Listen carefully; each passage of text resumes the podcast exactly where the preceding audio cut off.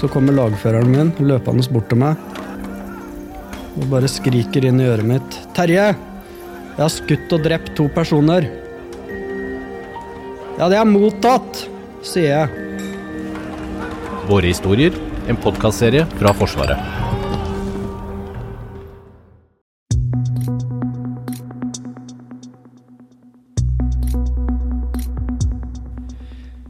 I dag gir forsvarssjef Eirik Kristoffersen sitt fagmilitære råd til politikerne. Det er hans råd om hva Forsvaret trenger for å kunne forsvare Norge.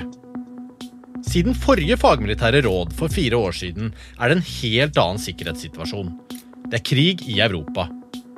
Hvordan påvirker det valget politikerne nå må ta for hva slags forsvar vi skal ha? Nå hører du på Forsvarspodden, og jeg heter Lars Hallingstorp. Forsvarssjef eh, Eirik Kristoffersen, hva er det viktigste rådet du gir? Ja, det, er et, det, er et, helhetlig råd jeg gir. Det handler om utvikling av Forsvaret videre fremover, og spesielt i den neste langtidsperioden. Så det aller viktigste jeg vil si, er at vi må satse på Forsvaret, og vi må satse raskt. Eh, og vi har et godt grunnlag for å satse på Forsvaret, fordi Forsvaret er gjennom mange omstillinger. Så utgangspunktet er veldig bra. Eh, det er lett å bygge videre på det Forsvaret vi har. Eh, men det krever også en økt satsing, også økonomisk, for at det vi har, skal virke best mulig.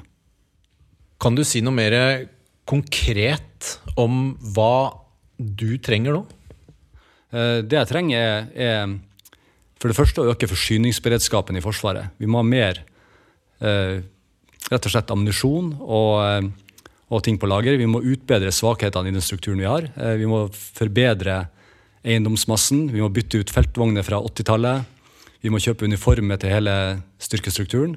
Vi har en rekke sånne, sånne operative hold da, i Forsvaret som vi må dekke. Uh, og så uh, har jeg satsa på, på, fire områder til. Det, det at vi må finne ut hvordan den fremtidige overflatefartøystrukturen til Marinen og Kystvakta skal se ut. Begynne, det arbeidet må starte nå, der vi må erstatte fregattene etter hvert. Og så må vi gå for mer standardiserte fartøy i marina og, kystvakta. Uh, vi trenger også å investere mer i luftvern for å beskytte oss mot, mot luftrusler. Det viser også krigen i Ukraina. Uh, og vi må satse mer på langtrekkende presisjonsvåpen, altså type missiler og uh, langtrekkende artilleri som når lengre. Og til slutt så, så, er det siste jeg vil si i, i satsingsområdene, det er at vi må øke volumet i Forsvaret. Forsvaret skal løse oppdrag hjemme, vi skal løse oppdrag ute. Og vi skal ta imot allierte som er på trening og øving i Norge, og det skal vi gjøre kontinuerlig. Så vi må øke rett og slett eh, antall folk eh, for at eh, vi skal kunne løse alle oppgavene vi forventes å kunne løse. Hvordan har dere kommet fram til at det er dette Forsvaret trenger nå? Ja, det, det, vi har gjort, er jo, er jo, å se på de oppgavene og de effektene som, som det forventes at Forsvaret skal løse. da. Vi har tatt utgangspunkt i det. Hva er, hva er det Forsvaret skal kunne gjøre? Hevde norsk suverenitet, bidra i allierte operasjoner, eh, kunne forsvare landet. Og så ut fra det, fra de effektene som Forsvaret skal oppnå, sett på, på Nato sine det man kaller kapabilitetskoder. Altså hvordan, hvordan eh, systemer er det som skal til for å oppnå de her effektene. Eh, og så ut fra det valgt bort noen ting. F.eks. så har ikke Norge hangarskip. Vi har akkurat hatt besøk av Gerald Ford. Det skal vi ikke ha, og, og det kommer vi heller ikke til å få. Uh, så, så, vi har prioritert kan du si, strukturelementer, da, altså kapasiteter, som oppfyller de her um, effektene som skal oppnås. Da. Og da ender vi opp med, med en struktur som vi har beregna hva den koster, og hvor mye som skal til for at vi skal klare å løse de, de forventningene som ligger både til, fra politisk nivå, men også fra det norske folket, for at vi skal ha et troverdig forsvar. da. Kan du si noe mer om de oppgavene som Forsvaret er gitt eh, til å skulle løse? Ja, Stortinget har definert ni oppgaver for Forsvaret, og, og de oppgavene ligger fast. Det har vi det har sagt, de, de, må ligge til fast til grunn for, at, eh, for, for det forsvaret vi skal ha i fremtida òg. Eh, og hvis vi får enda mindre penger, så må vi se på om vi skal vurdere de her oppgavene, for da klarer vi ikke å løse alle oppgavene. Så vi må ha et forsvar som både kan ta vare på sikkerheten hjemme. Eh, hvis ikke vi er til stede i våre havområder, hvis ikke vi er til stede i vårt luftrom, hvis ikke vi er til stede på, på landjorda, så vil noen allierte komme for å fylle det gapet. Og det er ikke i Norges interesser. Vi er interessert i at vi skal gjøre det, det sjøl, eh, men også i samarbeid med allierte. Så vi må passe på at vi har nasjonal kontroll på våre områder. Og det forventes også av, av Nato. Det handler om artikkel 3 i Nato. at Hver nasjon skal være i stand til å besvære seg sjøl. Og så må vi samtidig kunne bidra i Nato-operasjoner også utenfor Norge, som var artikkel 5. Én for alle, alle for én. Og vi må være forberedt på å kunne ta imot alliert støtte til Norge. Så enkelt forklart så skal vi ha et forsvar som både passer på vårt eget territorium, vår egen befolkning. Et forsvar som kan trene, operere og jobbe sammen med allierte i våre nærområder. Og et forsvar som kan bidra i operasjoner eh, utenfor Norges grenser, som vi f.eks. gjør med den tilstedeværelsen vi har i Litauen, eh, i det som kalles Enhanced Forward Presence. Og Det er, det er sånn, ja, en sånn oppgavefordeling som Forsvaret kommer til å stå i. Ta vare på egen sikkerhet, samtidig bidra i, i Nato og også FN-operasjoner ute. Kan du si noe hva som er forskjellen på dette rådet og det som ble gitt for eh, fire år siden? Ja, Sist gang forsvarssjefen ga et råd, var jo 2019. og Da, da må vi tenke på hva, hva det som har endra seg siden 2019. Det er bare fire år siden. Eh, men eh, verden har vært gjennom store endringer. Vi har vært gjennom en pandemi. Vi har sett en fullskala krig i Ukraina. Vi har trukket oss ut av Afghanistan. Og vi har Finland som har blitt medlem av Nato, og Sverige som har søkt og venter på tur. Så, så, det har skjedd ganske store endringer i verden på de her fire årene. Og Derfor er også rådet mitt mer sånn skalerbart. Altså vi må vi må en, vi må ha et, et, forsvar som kan endre seg i takt med omgivelsene, fordi at utviklinga går raskt. Så, så har jeg vært mer opptatt av å angi retning for utvikling av Forsvaret enn å si nøyaktig hva jeg trenger her og nå. En annen forskjell er jo at i, i år så har vi fått både en forsvarskommisjon. Vi har fått et sikkerhetsfaglig råd, vi har fått en totalberedskapskommisjon. Eh, vi har fått nye krav fra Nato. Nato har også endra seg i løpet av de fire årene. Eh, og så kommer nå det fagmilitære rådet. Og Det er jo summen av alle de her rådene som går inn i arbeidet med en ny langtidsplan, eh, og som til slutt kommer til å, til å si noe om utvikling av Forsvaret videre. Da. Du var inne på det. Det har blitt gitt mange råd for tida. Eh, I mars kom en FFI-rapport om status på Forsvaret, og nå i mai kom eh, fremla denne Forsvarskommisjonen sin rapport. Hva er det eh, ditt råd, Hvordan skiller ditt råd seg fra disse rapportene? Den analysen som, som Forsvarets forskningsinstitutt gjorde i, i, i, vinter, den var jo basert på ambisjonsnivået i gjeldende langtidsplan. Og Der mener FFI at det mangler 30 milliarder i neste langtidsplansperiode for å realisere denne ambisjonen. Så mener jeg at den ambisjonen er for lav. Eh, for den tar ikke høyde for f.eks. Eh, en stadig dårligere tilstand på eiendom, bygg og anlegg. Den tar ikke høyde for eh, alt de trenger av ammunisjon og reservedeler på lager. Den tar heller ikke høyde for det vi kaller stridsavgjørende ammunisjon, altså nok missiler og nok Eh, granater, nok ammunisjon på lager for å, for å kunne si, oppfylle de kravene som Nato forventer til oss. Så Derfor jeg opererer jeg med høyere tall enn det Forsvarets forskningsinstitutt eh, opererer med. Eh, I forhold til Forsvarskommisjonen så, så, ser jeg jo at vi eh, er enige om de helt grunnleggende utfordringene i Forsvaret, og det er jo veldig bra. At eh, det er to forskjellige undersøkelser, altså både kommisjonen og våre egne interne undersøkelser, viser at, at det er betydelige utfordringer Eh, for Forsvaret i tilfelle en, en, konflikt eller i verste fall en krig. da.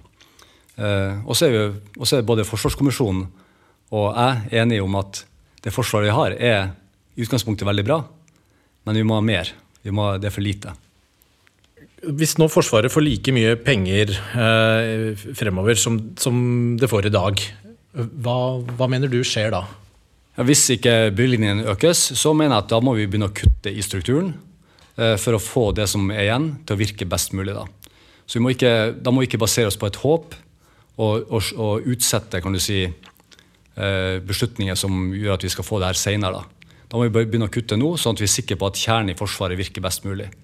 Og Da, da betyr det at, eh, at, vi må legge ned en rekke sånne ambisjoner som vi har, fordi at vi ikke har penger nok til å drifte en Rett og slett, Vi har ikke penger nok til å smøre det tynt utover. Vi må satse på det vi har, og få det til å virke. Med nok ammunisjon, nok forsyningsberedskap, nok reservedeler, nok folk til at det vi har, virker best mulig.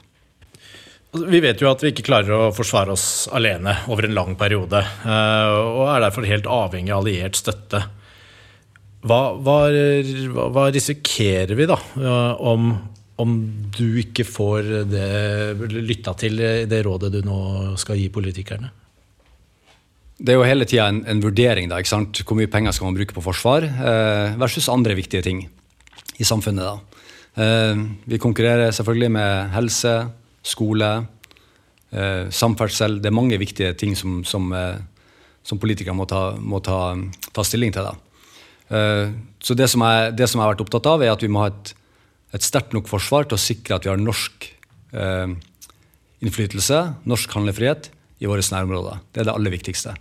Eh, og Da er vi tilbake igjen til det jeg snakka om tidligere, nemlig at, at, hvis ikke vi er til stede, så vil allierte eh, være til stede for å dekke det gapet. Og det er ikke vi tjent med, og sannsynligvis heller ikke allierte eh, interessert i å gjøre over lang, lang tid. Man forventer jo at en nasjon som Norge også evner å ta vare på sin egen sikkerhet. Så, eh, så, vi gir opp eh, rett og slett eh, politisk handlefrihet og, og, kontroll på altså god nasjonal kontroll på egne områder hvis vi, hvis vi overlater for mye av, av vår sikkerhet til allierte.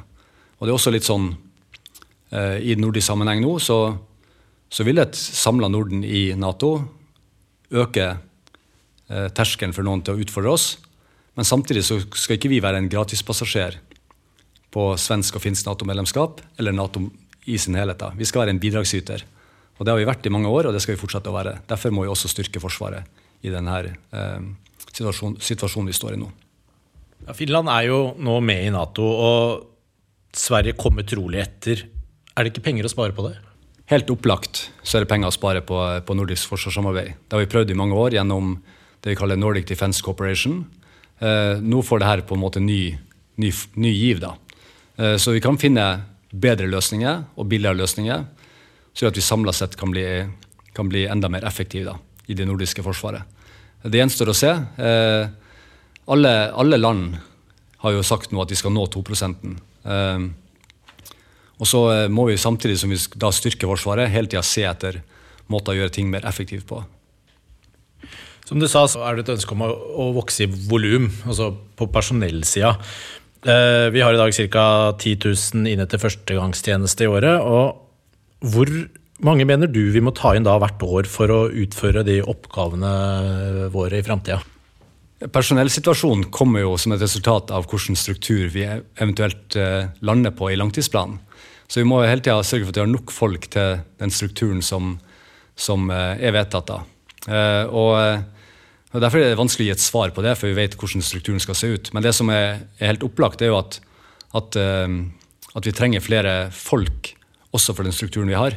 Vi ser at det å doble besetninger på Kystvakta øker kan du si, tilgjengeligheten på kystvaktfartøyene våre. Og Det gjelder på flere andre områder i, i Sjøforsvaret der doble besetninger kunne gjøre at vi får utnytta fartøyene enda bedre. Det, det, er på en måte ikke fartøyene som er begrensninga, det, det, er mer folk til å seile dem. Uh, og så ser vi også at, at uh, det er stor konkurranse om, om, mennesker i det norske arbeidsmarkedet. Uh, så vi må også se på økt bruk av reservister for å kunne ha en struktur som, som kan oppbemannes i, i, i, krise og konflikt, og som ikke tjenestegjør til daglig. Så nøyaktig hvor mange vi skal ende opp med, det får vi komme tilbake til når langtidsplanen begynner å bli klar. Ja, Du snakker om eh, marin overflatestruktur. Kan du ikke forklare litt sånn mer hva, hva er det er for noe? Altså, sjøforsvaret består av marin og kystvakta. Eh, kystvakta har eh, større og mindre fartøy som seiler både det vi kaller indre kystvakt langs kysten vår, men også eh, ytre kystvakt, som seiler i f.eks. fiskerivernssonen utenfor Svalbard. Eh, vi har også en marine som består av fregatter, eh, altså de litt større plattformene vi har, som, som er godt egnet for anti-ubåtkrigføring f.eks. Og så har vi korvetter som er mer kystnære, som, som også har norsk, altså norske missiler om bord, som, som når, når, langt. Og så har vi en rekke andre fartøy i, i marin, som, som f.eks. mineryddere og, og, andre støttefartøy. Da. Så det vi anbefaler, er jo å, å se på alt det her under ett. Eh, og se på det som et program der vi stadig kjøper nye, mer standardiserte fartøy. Som gjør at både vedlikeholdet og driften eh, for marine og kystvakta blir, blir bedre. Eh, økt tilgjengelighet på fartøyene gjennom at det er standardiserte fartøy for marine og kystvakta. Men som kan, som kan, være, som kan være, utstyrt med forskjellige ting, altså moduler. Eh, man kan ha moduler som, som, eh, som f.eks. driver med minelegging eller, eller minesøk. Det kan være moduler som leverer missiler, eller det kan være moduler som rett og slett eh, driver med overvåkning i form av ubemanna eh, farkoster, eh, drone eller andre ting som, som kystvakta trenger. Så, så vi, må, vi, må, få ned den store variasjonen som er i, i de fartøyene vi har i marine og kystvakta nå, for å, for å, gjøre rett og slett eh, standardiseringa eh, bedre, og dermed også vedlikeholdsunderstøttelsen enklere. Fordi, er det sånn da at de, de, fartøyene vi har i dag, det er nesten skreddersydd for oss, og så skal man heller da gå ut og se på det, det, si, det kommersielle markedet av hva som fins? Er det det som er tenkt, eller hva, hva slags fartøy er det snakker om da? Altså Erfaringa vår er jo at eh, vi må ikke være enebruker av eh, utstyr og, og teknologi. Eh, skal vi ha et fartøy som skal vare i 40 år, så må det skje jevnlige oppgraderinger. Så f.eks. når vi skal erstatte fregattene, så bør vi kjøpe et fartøy som også andre bruker. Det vil sikre oss at vi får oppdateringer, at det er flere brukere, at det er mer tilgang på reservedeler. Uh, når det kommer til, til, mindre fartøy, så kan det være fartøy som, som fint kan produseres i Norge, uh, men som i hvert fall er, er, færre varianter av enn det vi har i dag.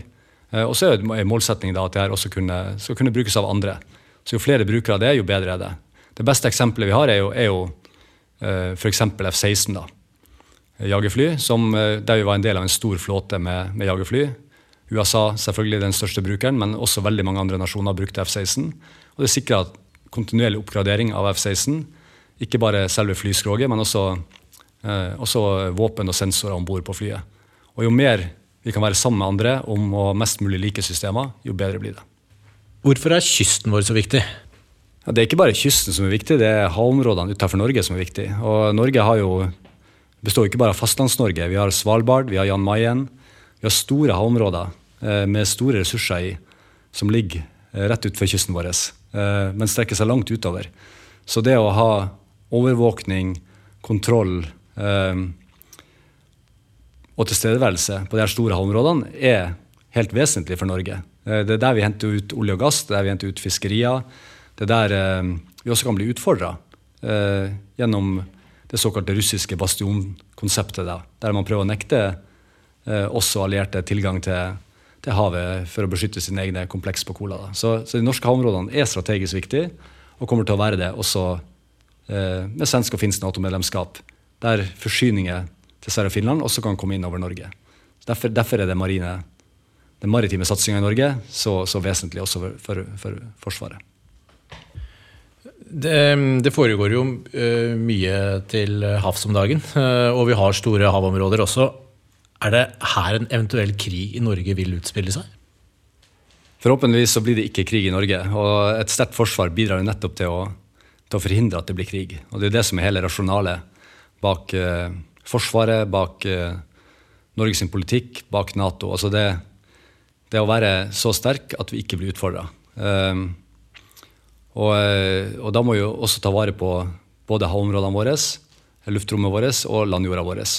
Og det er det som er tanken med å styrke Forsvaret, er jo nettopp å, å sikre at, at, spesielt Russland, som har vist både evne og vilje til å bruke makt mot et naboland, og som er vår nabo, ikke blir frista til å gjøre det mot oss. Eh, og et sterkt forsvar vil være den beste garantien for at så ikke skjer. da.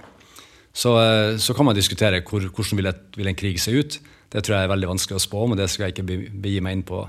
Men vi har jo vi har, vi har sett hva Russland gjør i Ukraina. Det det er bruk av langtrekkende våpen, det det er bruk av styrker fra, fra Svartehavet. Eh, men så er det en konflikt som foregår i Ukraina, eh, og der geografien og, og kan du si eh, områdene rundt Norge er annerledes enn i Ukraina. Så det kan se annerledes ut i Norge enn det det gjør i Ukraina.